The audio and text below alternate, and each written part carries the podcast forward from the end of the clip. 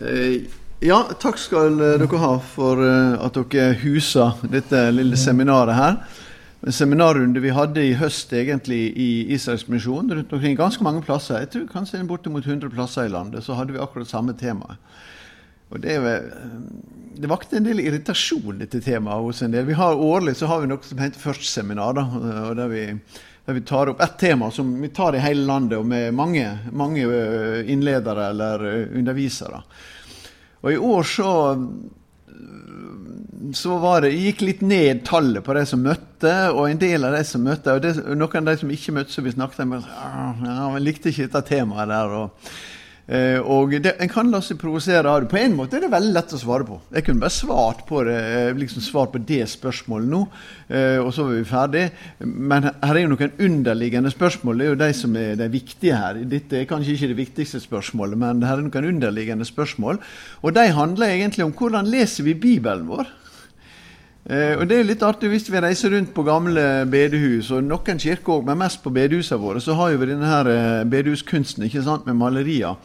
Og det er jo forunderlig hvor, hvor Genesaretsjøen blir en vestlandsk innsjø eller et vestlandsk kystlandskap. Eh, og Én ting er at Jesus ser ut som en nordmann. Eh, det er nå bare å reise ned i kirka i Nasaret, i bebudelseskirka, så vil vi se det at folk fra hele verden har, har malt Jesus så å si i sin, sin etnis, sitt etniske bilde. Og det er noe fint med på én måte, fordi at det sier oss noe om inkarnasjon. Det sier noe om Gud som kom oss inderlig nær. Og Derfor så tegner vi også bergpreika og fiskefangsten inn i vestlandske fjordmiljø. Eh, men saken der, når vi da leser Bibelen vår, så hvordan, hvordan forstår vi da Det nye testamentet? Forstår vi at dette faktisk ikke er skrevet på Vestlandet? Det er skrevet en annen plass og en annen tid. Og det, er, det bærer noen preg av det, og det bærer noen viktige preg av det. Uh, og da er, inn, da er, vi i nærheten av dagens spørsmål. Var Paulus kristen? Altså, kan, det, det var han naturligvis. Ehm, men så er det noen underliggende spørsmål. Men det er ikke de første som er blitt provosert. da. For da denne boka kom, så um, Det er denne boka her, det var Paulus Kristen, skrevet av en nå emeritert professor, som det heter på sånn uh, vitenskapelig språk, men altså en pensjonert professor i Nytestamentet på MF, som heter Karl Olaf Sandnes. Uh, og Han skrev altså denne boka 'Var Paulus kristen?' Litt med bakgrunn i en del av den nyere Paulus-forskninga. Og Det som har vært mye fokus på i en del av den nyere Paulus-forskninga, er dette å oppdage eh, at som vi hadde, vi hadde, et seminar på MF jeg skal bruke det til å knytte til her. Vi hadde et seminar på MF når jeg gikk der og var student på 80-tallet, eh, og som var arrangert tror det var av FBB, som var 'Hvor luthersk var egentlig Paulus?' Og vi leser lett Paulus i lys av Luther. Um, og Luther sin anfektelseskamp for hvordan skal jeg finne en nådig Gud på reformasjonen på 1500-tallet 1500 år etter Paulus skrev dette her. Uh, så, så, får han en sånn, og Den er helt eksistensiell og den er jo kjempeviktig. og Det er veldig viktig at vi kan veilede hverandre der. Men så er det noen som spør ja, men er det 1500-tallet som skal bestemme hvordan vi skal, i Tyskland som bestemmer hvordan vi skal lese disse tekstene, som jo helt åpenbart var skrevet i en helt annen tid og en helt annen kultur. Og eh, Min gode venn og dere gode venn Egil Moland han skrev anmeldelse av denne her eh, boka i dag. og Da skriver han jo nettopp dette. Provoserende spørsmål. Var Paulus kristen? Han skriver nettopp da allerede om, om provokasjonen i det. Ja, Gir nå egentlig dette spørsmålet noe særlig mening? Og da, da, må vi altså inn i disse spørsmålene. Dette er de eldste freskene av Paulus. og han, han sleit med det, noe av det samme som oss, mente de som lagde, lagde dette. Rolf, vi er sammen i dette. Eh, og, men gir spørsmålet mening om Paulus var en kristen? Vel, det er jo egentlig et spørsmål hva alternativet er. For hva er alternativet til å si at Paulus var en kristen? Um, jo, det må jo kanskje da være å si at han var en jøde. Og det er jo det dette her egentlig kommer til å handle om, da.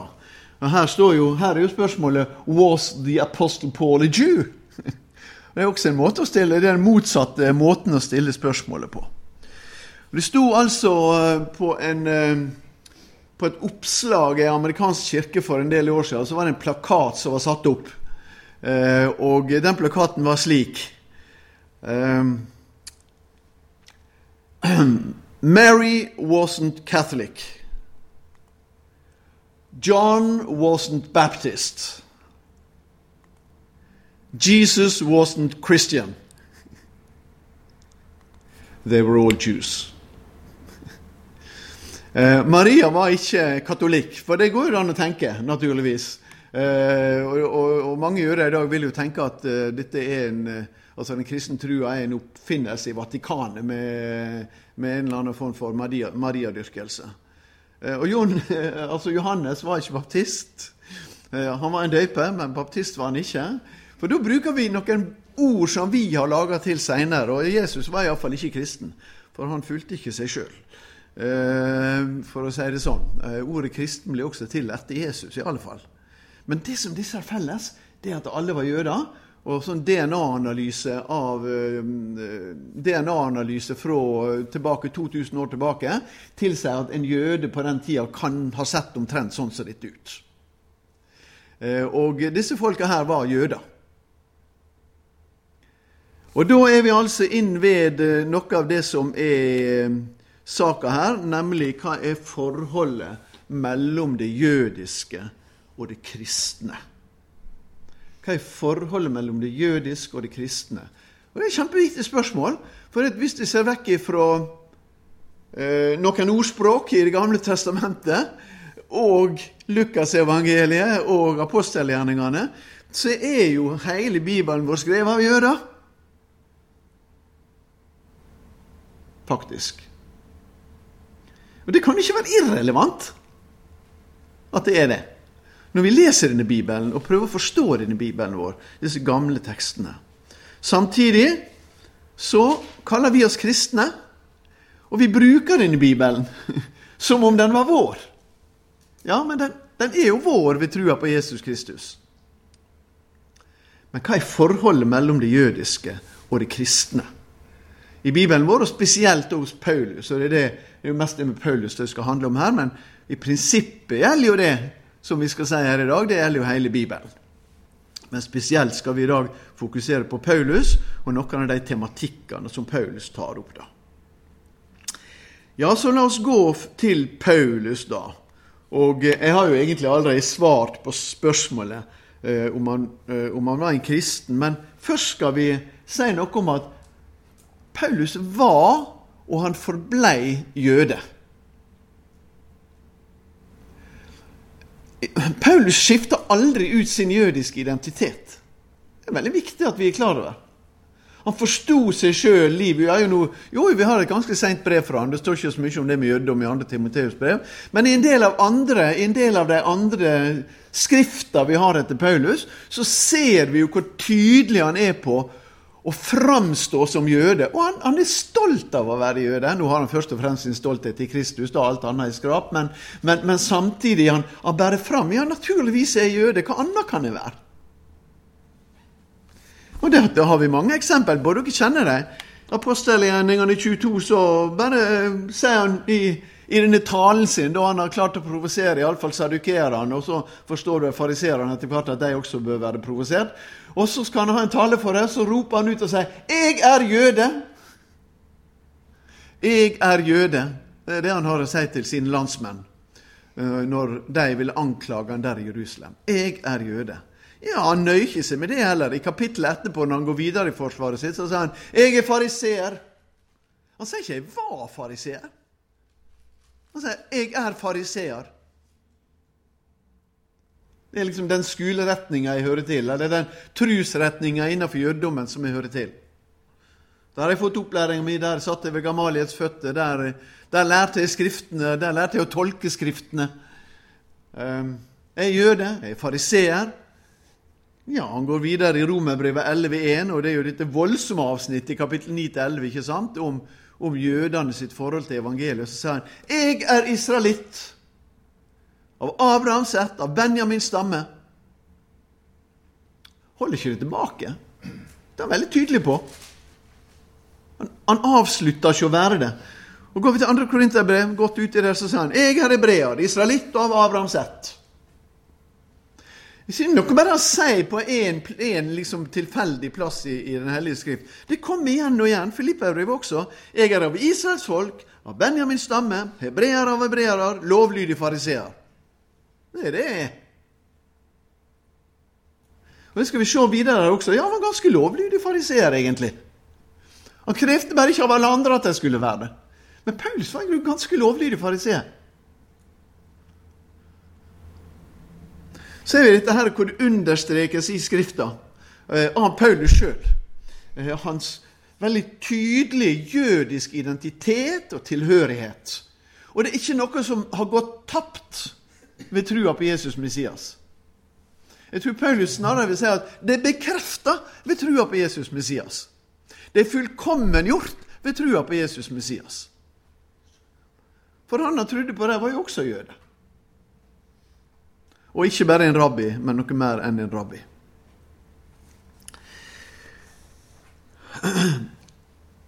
Hvordan kommer dette jødiske særpreget fram? Kan vi ta noen eksempel på det også fra Det nye testamentet? Og Ikke da bare om Paulus, men mest om Paulus. Men vi kan jo begynne med Jesus. Han var jo jøde. Og vi hopper vi liksom legger ikke merke til sånne småting som dette. Det er ikke så mye å ha en preik over, naturligvis. At, at, uh, at uh, de ville røre ved dusken på Jesu kappeflik. Nei. Har det noen betydning? Nei, ikke for annet enn å si at Jesus kledde seg som en jøde. Uh, han hadde ei kappe. Sånn som I dag har ikke disse kappene lenger. I dag har de gjerne et, et sjal som de har rundt seg. Og og sånt, en sånn kappe og et sånt sjal hadde fire hjørner. I alle disse fire hjørnene skulle det henge noe som heter en sitt-sitt.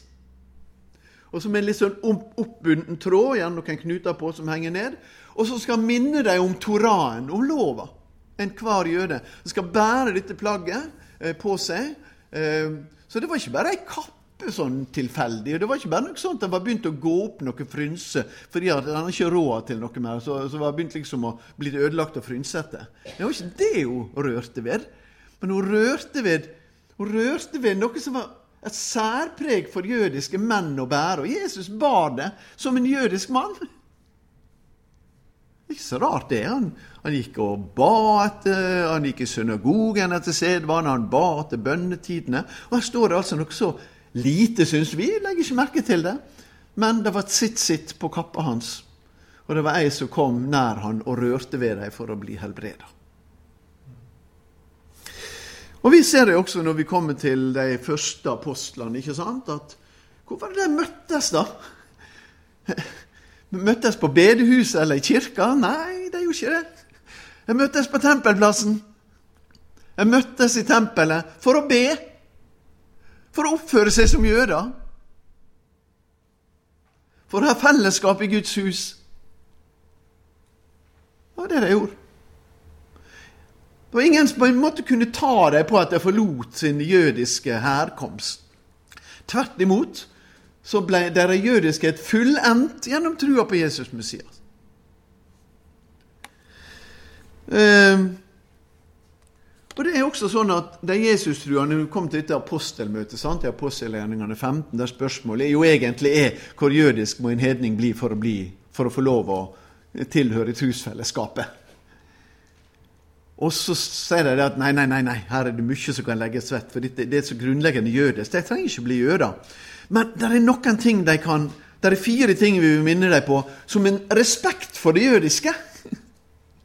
Som en respekt for det jødiske.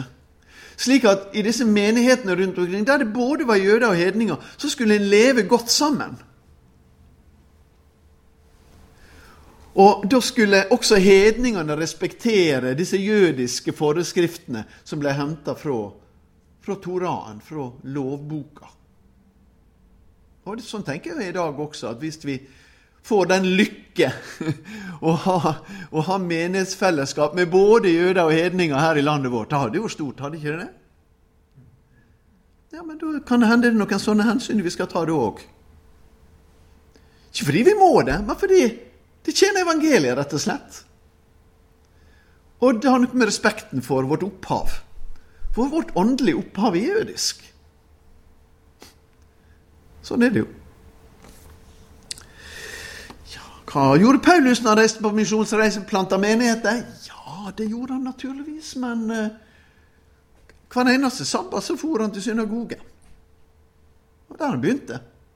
Han var der til han ble kasta ut. Han mente han hørte til det. Så skjedde det ting, og sånn, så det ble andre samlinger. Men utgangspunktet var at jeg går der jeg hører til. Og der er jeg til de kaster meg ut. For jeg bærer ei tru som fullender det jødiske. Han omskar ikke Titus. Det var ikke nødvendig. Men av hensyn til jøder som han ville møte på sin vei rundt omkring i menigheten, og var med Paulus, så tok han omskar Timoteus, fordi Timoteus jo, det var kjent at han hadde ei jødisk mor.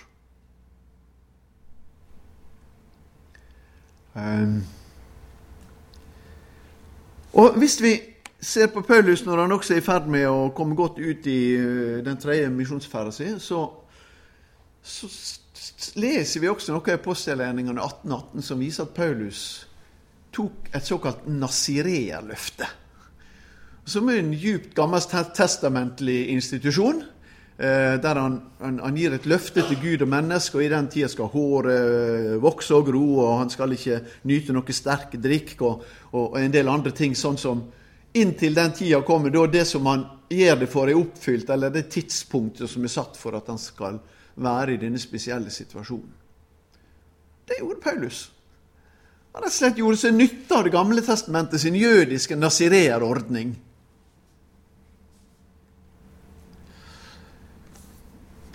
Og det siste på denne sida her er Når han da kom opp til tempelet i Jerusalem, så råda de han til det, rett nok, men kan hende ha gjort det likevel. Men iallfall råda de han til å Fordi de visste, søsknene der oppe visste at her ville være en del eh, skepsis til at Paulus kom til byen. Det går mye, mange rare rykter om han. Så nå skal du gå opp i tempelet, så skal du bære fram offer. Takkoffer, renselsesoffer, ikke syndoffer og disse tingene som hebreerbrevet snakker om, at det, det fins ikke lenger. Men han bar fram andre offer etter Moselova og oppførte seg som en jøde. Ja, det gjorde han. Så ser vi, ser vi hvor grunnleggende jødisk Paulus er. I hele sin Ja, det er jo det han er. Og han slutter ikke å være det. Og så er det naturlig at vi har noen menn, da. Men er ikke det noen andre ting å si også? Jo, der er jo det. Og det er iallfall tre spørsmål som vi nå skal reise som skal problematisere dette jødiske med Paulus. Viser ikke det at her egentlig forlater han det jødiske? Og det ene er hva skjedde ved Damaskus? Hva skjedde egentlig ved Damaskus?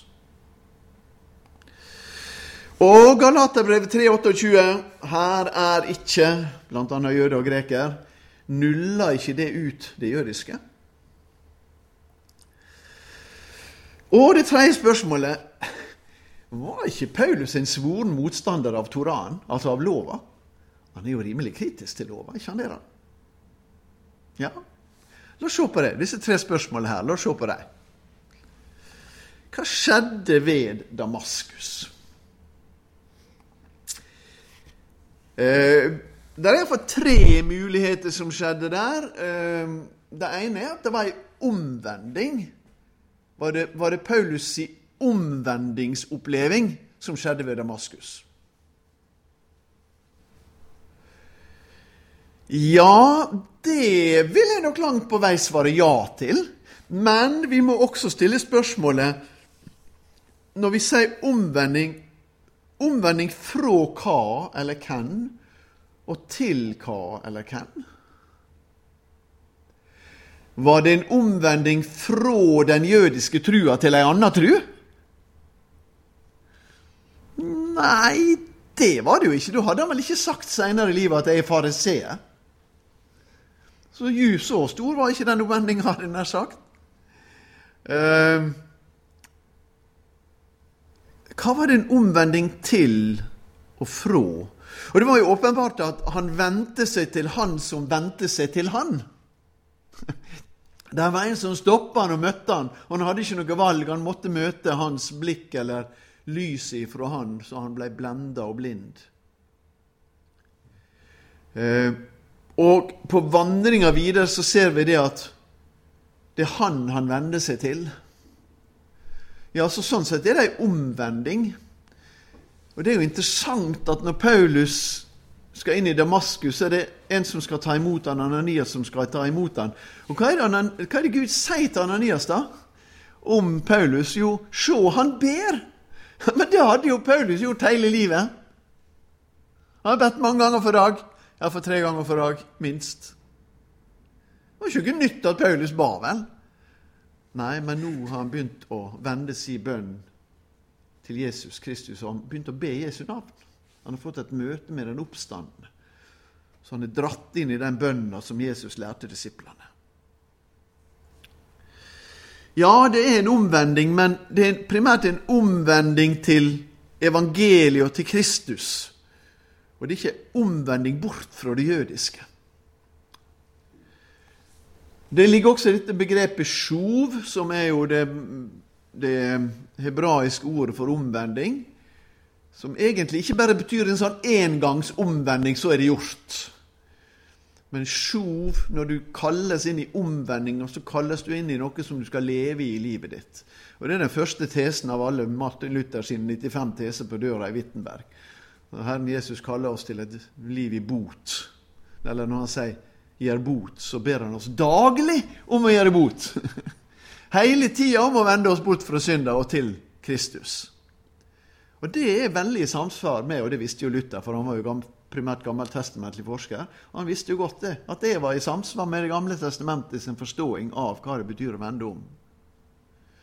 For de fleste omvendingskalla i Det gamle testamentet de går ikke til Egypt og Fønikia og Babylon de går til Israels folk. De som Gud har vedkjent seg ved den utvelgelse han har gitt dem. De kaller han faktisk til omvending. Og det er det som skjer med Paulus. Kan han tenke at det som skjer med Paulus, var det et kall? Var det kallet hans? Altså her ved Damaskus får han kallet til å, den nye retninga på livet og tjenesten? Ja, det får han jo åpenbart. For se, jeg skal vise han alt det han må lide for mitt navns skyld. Det var en av de tingene som, som også Anias får beskjed om, om Paulus og, og, det møtet som han skal ha med han. Så det ligger, Men det er ikke primært et kall til tjeneste. Kallet til tjeneste vokser ut av ditt, og så er det en del diskutert. da, eh, Denne tida etter fram til kapittel 11, når han blir plukka opp igjen i Tarsus og frakta til Antioka av Barnabas. Hva gjorde han i åra imellom? Var han en misjonær i Arabia, eller bare flakka han om og ble lært av Herren? Eh, og var det i løpet av de åra kallet gikk opp for han, eller reiste han rett ut så å si i misjonærkallet sitt? Det er en veldig sånn interessant eh, faglig samtale, men det skal ikke vi gå lenger inn i rom. Men det er ikke primært hans kall til tjeneste, men det blir også det. Omvendelsen til Kristus blir det. Først og fremst er det vel snakk om et nytt liv og ny nåde. Det er jo det han legger vekt på sjøl når vi leser om Når han, når han forteller i apostelgjerningene 22,6 om, om det som skjedde med han ved Damaskus, så er jo det det, eh, så er det, det han sier. Eh, eh, Ananias sier til ham, så hvorfor nøler du nå? Kom og la deg døype og få syndene dine vaska medan du kaller på hans navn. Uh, han fikk nytt liv, han fikk ny nåde. Og Det er det også han sier det er det også, det er også han sier i 1. Timoteus brev, um, der jo han understreker at han er ikke verdig mye her. Jeg spotta, jeg forfølgde, jeg for fram med valg. Men jeg fikk miskunn. For i min vantro visste ikke hva jeg gjorde, men Vår Herres nåde har vært overstrømmende rik og gitt meg tru og kjærleik i Kristus Jesus. Der forklarer vel egentlig Paulus sjøl hva som skjedde med han, og tenker at det kan vi sånn rimelig greit forholde oss til. Det andre spørsmålet gikk på Galaterbrevet 3,28. Her er ikke jøde og greker, mann og kvinne, trell og fri. Eh, og eh, er det ikke det sånn at jøde på en måte nulles ut? Det betyr ikke noe å være jøde. altså Det, det blir ingenting. Det er ikke veldig logisk, fordi det står også at her er ikke kvinne og mann. Og det betyr ikke at kvinne og mann oppheves. Eh, det trenger vi å holde fast i vår tid. Kvinne og mann fastholdes. Eh, men kvinne og mann stiller likt overfor Gud. Det er ikke noe ulik terskel. Vi dras inn på samme vis. Og det er jo også poenget med forholdet mellom jøde og greker. At både jøder og grekere har adgang til det samme, og lik adgang til det samme. Så jøden nulles ikke ut som om ikke det betyr noe, men jøden står der sammen med oss av folkeslaga. Og det er jo fortsatt sånn at når Paulus skriver Romerbrevet, som er et litt nyere brev enn Galaterbrevet, så går det igjen og igjen og igjen i Romerbrevet fortsatt at det var for jøde først. Og så for greker. Det er tydelig at det ikke nulla ut. Det er ikke strøket over. Det er ikke blitt ingenting verd. For det er fortsatt slik at det er for jøde først. Evangeliet er for jøde først, og så for greker. Kanskje kan vi si noe om at Paulus her at det er en, litt sånn en primær og en, skal vi våge å si, en sekundær eh, identitet som han har, da. For han snakker jo om dette her i eh, første Korinterbrev, f.eks., at uh, eh, Jeg vet ikke om dette er de rette versene som er satt opp her, første Korinterbrev 7, men han snakker, jo, han jo noe om dette at han, han er jøde, men først og fremst så er han nå blitt ett i Jesus Kristus med oss alle, nå når denne, det skillet er revet ned. Den primære identiteten hans er i Jesus Messias, men han bevarer sin identitet også som jøde. For i Jesus Messias er det plass til jøder. Ja, det er faktisk de som er de naturlige greinene på det treet. Og til oss hedningene som de innpoda greinene på det treet. Ja, men er ikke det sånn at uh, på en måte disse alle løfter til Israel og sånt er overført på kirka? Er ikke det sånn at sånn, når, når, Jesus kom, så, så, overtar på en måte den, den kristne kirkearenaen, sånn som noen ofte snakker om at pinsedagen er kirka sin fødselsdag? Det er noe som jeg alltid har slitt med å både tro og tenke at det er. Jeg tenker at pinsedag er misjonen sin fødselsdag. For det var et folk fra før, og vi er jo bare poda inn på det folket. Ikke sånn at Gud oppretta et nytt folk som liksom er atskilt fra det forrige folket.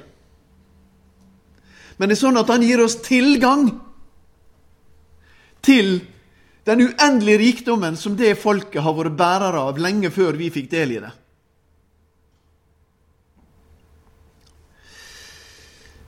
Eh, det er ett uttrykk som forkludrer dette litt, nemlig slutten av Garaterbrevet, der han snakker om dette her med Guds Israel. Og hva mener Paulus når han i slutten av Galaterbrevet 6 snakker om Guds Israel? Alle som følger denne rettesnora, fred og miskunn være med deg og med Guds Israel. Heretter må ingen plage meg mer, for jeg bærer Jesu Kristi merke på kroppen min. Er dette på en måte et uttrykk for at, for at det kirka som nå skal kalles Guds Israel? Og Det er ikke uten, videre, ikke uten videre lett å lese det, eller nødvendig å lese det sånn. Eh, for det er aldri slik i Det nye testamentet at vi hedningekristne blir kalt for jøder. Vi blir aldri kalt for jøder. Og blir vi da her kalt for Israel? Og Slik trenger en ikke å forstå dette uttrykket. Det kan som, Vi kan forstå det litt sånn som romerbrevet har det, nemlig at, at vi er innpoda på Kristustreet, Messias-treet. Men det kan også være at han her ønsker fred og miskunn over alle som vil følge det han her har sagt, og med Guds Israel, altså de utvalgte av Israels folk, som hører med i trua på Jesus Messias. Men noen erstatning, det legger ikke Paulus opp til på noen måte. Det tredje spørsmålet var Toraen. Altså Toraen, det er lova er ikke Paulus ganske ran med lova? Den, han har jo ikke mye til overs for den, har han det? Bare se her, da. Vi er løst fra lova. Wow, takk og lov, liksom sto i neste vers, eller kunne vi sett tilbake. Vi er løst fra lova. Lova er maktløs. Lova er tuktemester, og det er ikke noe bra å være. Altså, Tuktemester pedagogos, det er det samme som vi har i ordet pedagog. da. Den eh, stakkars pedagogene må slippe å ha det heftene ved seg. En pedagogos i, for 2000 år siden er ikke det samme som en pedagog i dag. Eh, men det betyr en som fører et barn. En pedagog, en pedagogos. Men den som førte barnet her, var jo en som hadde rett til både å slå og tukte og torturere nesten barnet, for liksom å få disiplin inn i barnet. Og slik sier Paulus at lova er. Den er sånn, et sånt uhyre som går ved siden av oss og bare slår oss. For å få oss på rett kjøl, for å få oss til å skikke oss vel. Litt av et dramatisk syn på lova. Ja, faktisk sier han når vi kom til Filippa, tre kapittel og Han har lagt ut om noe av dette her som han har med seg fra sin jødiske bakgrunn. Så sier men så fant jeg ut at alt er grunnskrap! Ikke verdt noe. Han bruker enda verre ord også, som går på det som kommer ut av kroppen. Eh, det, altså, han Det er ganske sterke ord han bruker om det. ikke sant? Så er ikke han en real motstander av lova. Og hvis han er det, så kan han jo knapt være jøde. Ja. Dette er jo bare én side ved saka, for det er jo noen andre sider ved saka også. ikke sant? Kan jo begynne i Det gamle testamentet, i den salmen som har 176 vers, og der hvert enkelt vers handler om en form for lovprisning av, eller opphøying av og takk for lova. Er det satt ut av spill? Nei, Paulus sier noe om det òg. Akkurat i det samme kapitlet som vi nå har sitert fra, f.eks. i Romerbrevet 7, så skriver han ja, betyr det at lova er synd? Nei, nei, nei, nei. Langt ifra, sier han. Og Noen vers senere sier han at lova er heilag, og både heilagt, rett og godt. Toraen er hellig. Det sier han faktisk. Ja, han sier to vers eh, etter der så sier han ikke bare at den er hellig, men at den er åndelig. Lova er åndelig. Og I neste kapittel, som jo er litt mer oppløftende enn Romerbrevet 7 da, og Vi må aldri bli værende i Romerbrevet 7, okay? vi må komme oss til kapittel 8. Eh, så står det noe om at lova skal bli oppfylt i oss ved Anden. Så lova er faktisk noe som står høyt i Paulus sine øyne. Spørsmålet er jo bare hva makt har. Det er det de første utsagnene vi så her, handler om. Eh, så Toraen har vi da sagt litt om. Nei, Paulus var ingen motstander av Toraen, men han fikk en ny forståing av Toraen, av lova, i møte med Jesus, Messias og hans frelsesverk. For ved da ble det mulig å bli frelst, og så ved Den hellige ånd leve ut Torans gode, hellige, åndelige side i livet til den som tror. Hva mente Paulus i sitt oppgjør med lova? Ja, han mente i alle fall følgende tre ting. Spørsmålet er et spørsmål jeg går på dette med etisk og etniske bud. Etiske og etniske bud. Altså hva, hva, i lova er på en måte Guds varige vilje for alle mennesker? Og hva i lova er den avgrensa vei og plan som han har for det jødiske folket? Og det lever vi og praktiserer vi daglig, for det er masse i den gamle gammeltestamentlige lov som vi ikke bryr oss om. Og med rette. Men i sitt oppgjør med dette så er det iallfall tre ting som Paulus, er viktig for Paulus. For det første hedninger må ikke bli jøder for å fordele Jesusfellesskapet. Vi trenger ikke omfavne de etniske buda for å ha del i Jesusfellesskapet. Det andre er at jøder ikke trenger å slutte å være jøder for å fordele Jesusfellesskapet. Det betyr at de hvis de vil ta de etniske buda, altså de buda som er retta mot jødiske folket, på alvor, så kan de gjerne gjøre det. Og Paulus, Når han skriver 1. Korinterbrev, så skriver han ganske pragmatisk om det. For jødene så ter jeg meg som en jøde. Og for hedninger så ter jeg meg som om jeg var hedning. Ikke som om jeg var en synd, syndig hedning på den måten, men altså jeg, jeg lar ikke meg binde nødvendigvis av det ene og det andre budet som særpreger meg som jøde. Så de skal ikke få inntrykk av at de må bli jøder for at jeg skal bli medkristen eller medtruende på Jesus. Og Det siste, som jo naturligvis er det viktige, viktigste for oss, er at lova som frelsesvei er umulig for både jøder og hedninger. Da må vi tilbake til ordet kristen. Uh, det har jeg venta med helt til nå, men vi må tilbake til ordet kristen. Ordet kristen er brukt tre ganger i Det nye testamentet. Tre, hele Bibelen, da. Men det er jo bare i Det nye testamentet, og det kommer det tre snart her. Tre ganger er det brukt. Eh, det er ikke ofte. Og det er ord som blir brukt kjempeofte i Det nye testamentet om det som vi regner som kristne. Og de to mest vanlige orda, det er søskena og disiplene. Eller etterfølgerne. Det er de to mest vanlige orda. Disipler, altså etterfølgere av Jesus, og søsknene. Søskene til Jesus er det sant at Jesus er min broder, men også søsken til hverandre. Som et familiefellesskap. Det er de suverent to mest brukte orda om oss som tror på Jesus jøder og hedninger. Men tre ganger altså brukes dette ordet kristen. Og Av og til sier noen forskere at ja, det blir brukt litt sånn ironisk. og sånt. Der er noen som forsøker seg på det. At, og, og, jeg vet, Det er noen sånne menigheter også som sier rundt omkring at vi må slutte å bruke dette ordet kristen. For, også fordi det er så mange sånne forbindelser med det. Kanskje vi skal finne noen andre ord. Nei, jeg syns ikke nødvendigvis det er en god idé. Men vi kan godt bruke enda mer de andre ordene. Det er en, en veldig god idé. Eh, men la oss se på disse tre gangene. Paulus' i forsamling i Antiokia det er den første gangen vi møter ordet kristne. Og de bar navnet kristne. Det var den første plassen der de ble kalla christianoi, kristne.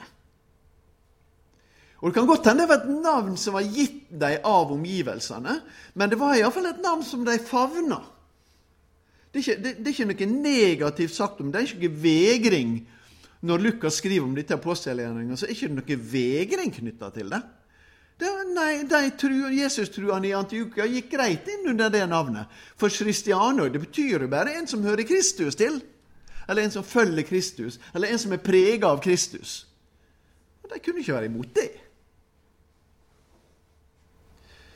Den andre gangen vi bruker for dette ordet, det er når Paulus eh, snakker eh, i denne mektige talen, der han snakker både til kongen og landshøvdingen.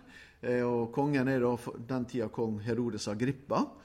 Eh, og eh, da likestiller Paulus det å bli en kristen. Det er like før du overtaler meg til å bli en kristen, sier Herodes Agrippa. Enten han mente det på alvor, eller han mente det som en ironi. Det er ikke så lett å vite, men han brukte uttrykket. Og når Paulus svarer på det, så sa han ja, men jeg skulle ønske du var som meg men uten disse lenkene. Og Da er det en parallell mellom det å være en kristen og det å være som Paulus. Paulus vegrer ikke seg for det. Han er en kristen.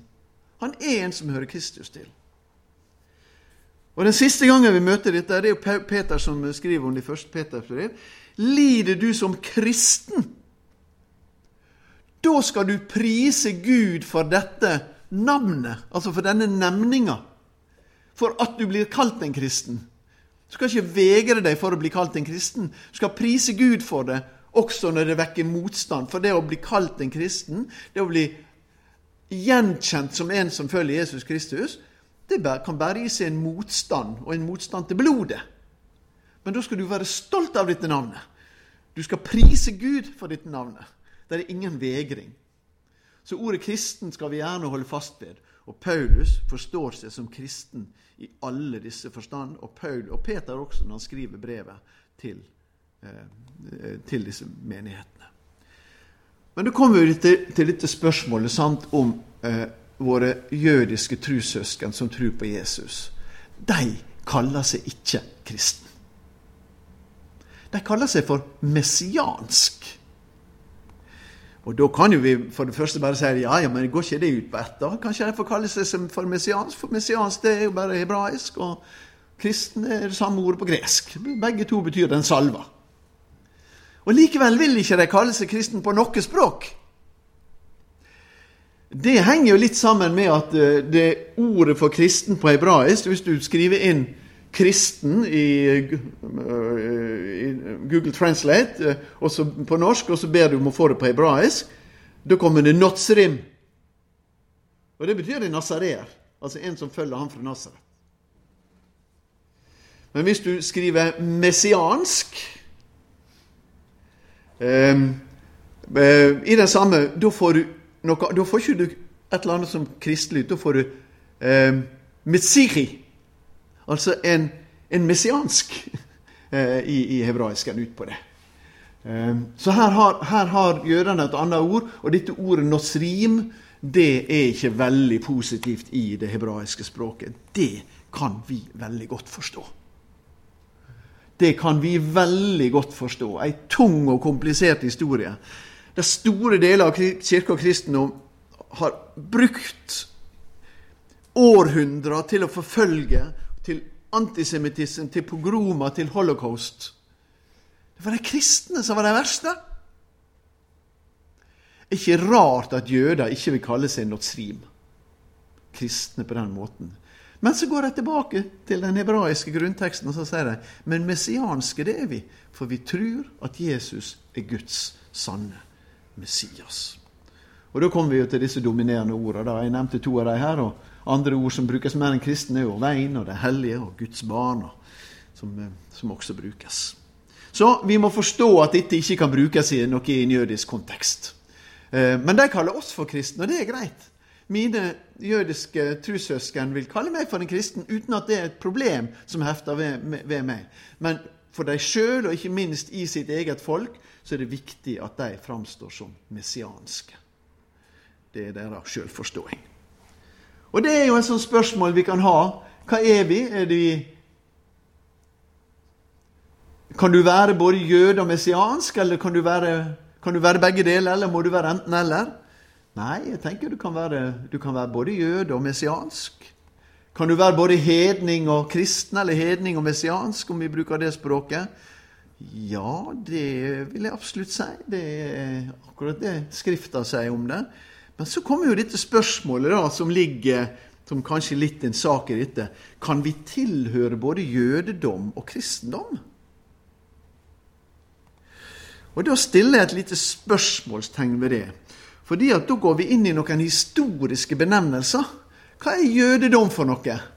Jo, Jødedom det er jo i dag ei tru som er utforma over 2000 år, gjennom 2000 år etter eh, den tida da, da den kristne, eller den messianske bevegelsen starta med trua på Jesus. Og deler av den historien, ganske tidlig egentlig, så var det på grunn, altså det var jo en motsetning mellom jødene og de kristne, på den måten at den jødiske trua ble utforma litt i opposisjon mot den kristne trua. Mot den nytestamentlige trua. Og det er at jødedom, slik den framstår i dag, er ganske ulik den jødedommen som var på Jesu tid. Og det er nok langt vanskeligere å skulle identifisere seg med dagens jødedom enn det var for Paulus å identifisere seg sjøl som fariseer. Langt, langt vanskeligere. Og så har vi et sånt ord som kristendom, da, som jo ikke brukes. Ingen av disse eh, brukes noe i nærheten av jøder. Bruker om jødene eller de som hørte judaistene. Men altså, kristendomsbegrepet er jo et nyere begrep som er kommet seinere. Eh, og da er det bare sånne beskriver de det å ha en religiøs tilhørighet. Eh, mens jeg tenker vel mer sånn at Var Paulus en mellomting? Nei, det var han vel ikke. Han var fullt ut jøde, og han var fullt ut en Jesus-etterfølger, og dermed en kristen. Det er også et jødisk mangfold. Det var der på Jesu tid. Eh, det er også et jøde, enda større jødisk mangfold i, eh, i dag. Eh, og som gjør at jødedom i dag står et ganske langt stykke ifra klassisk historisk kristendom. Ganske langt stykke ifra det. Men så kan en spørre om sånne religionshistoriske ord gir mening, da. Paulus skriver jo om judaismos. Han skriver jo om judaistene i Galaterbrevet 1, og da bruker han det kritisk. Og bruker han om disse her som vil tvinge de kristne i Galatia under på en måte omskjærelsens åk og lova sitt åk. Da. Så det brukes det egentlig på en negativ måte. Helt til slutt litt om Jesus-truende jøder og jødedom. Veldig, jeg, har, jeg har lest denne boka her, den kom for noen år siden. Jeg fikk skrive en lang artikkel om det i et jødisk tidsskrift også. Eller ja, jødisk, messiansk jødisk tidsskrift. Eh, så jeg fikk gjort en skikkelig analyse av den boka. Det er veldig interessant å se hvordan jøder i dag tenker om de spørsmålene som vi her snakker om.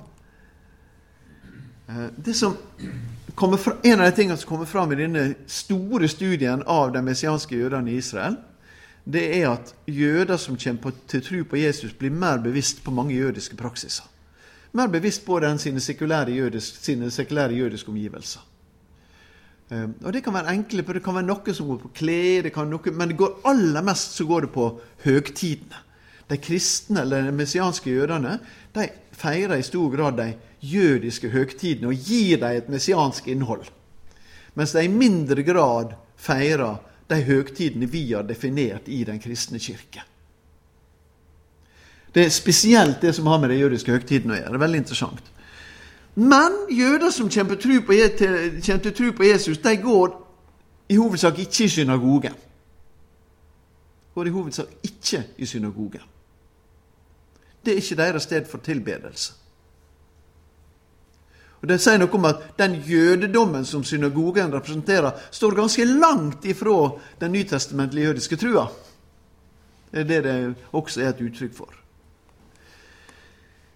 Og så, Når vi leser denne boka, her, så er det helt tydelig at de har en veldig identitet som jøder, men de bruker ikke nevninga jødedom eller judaism.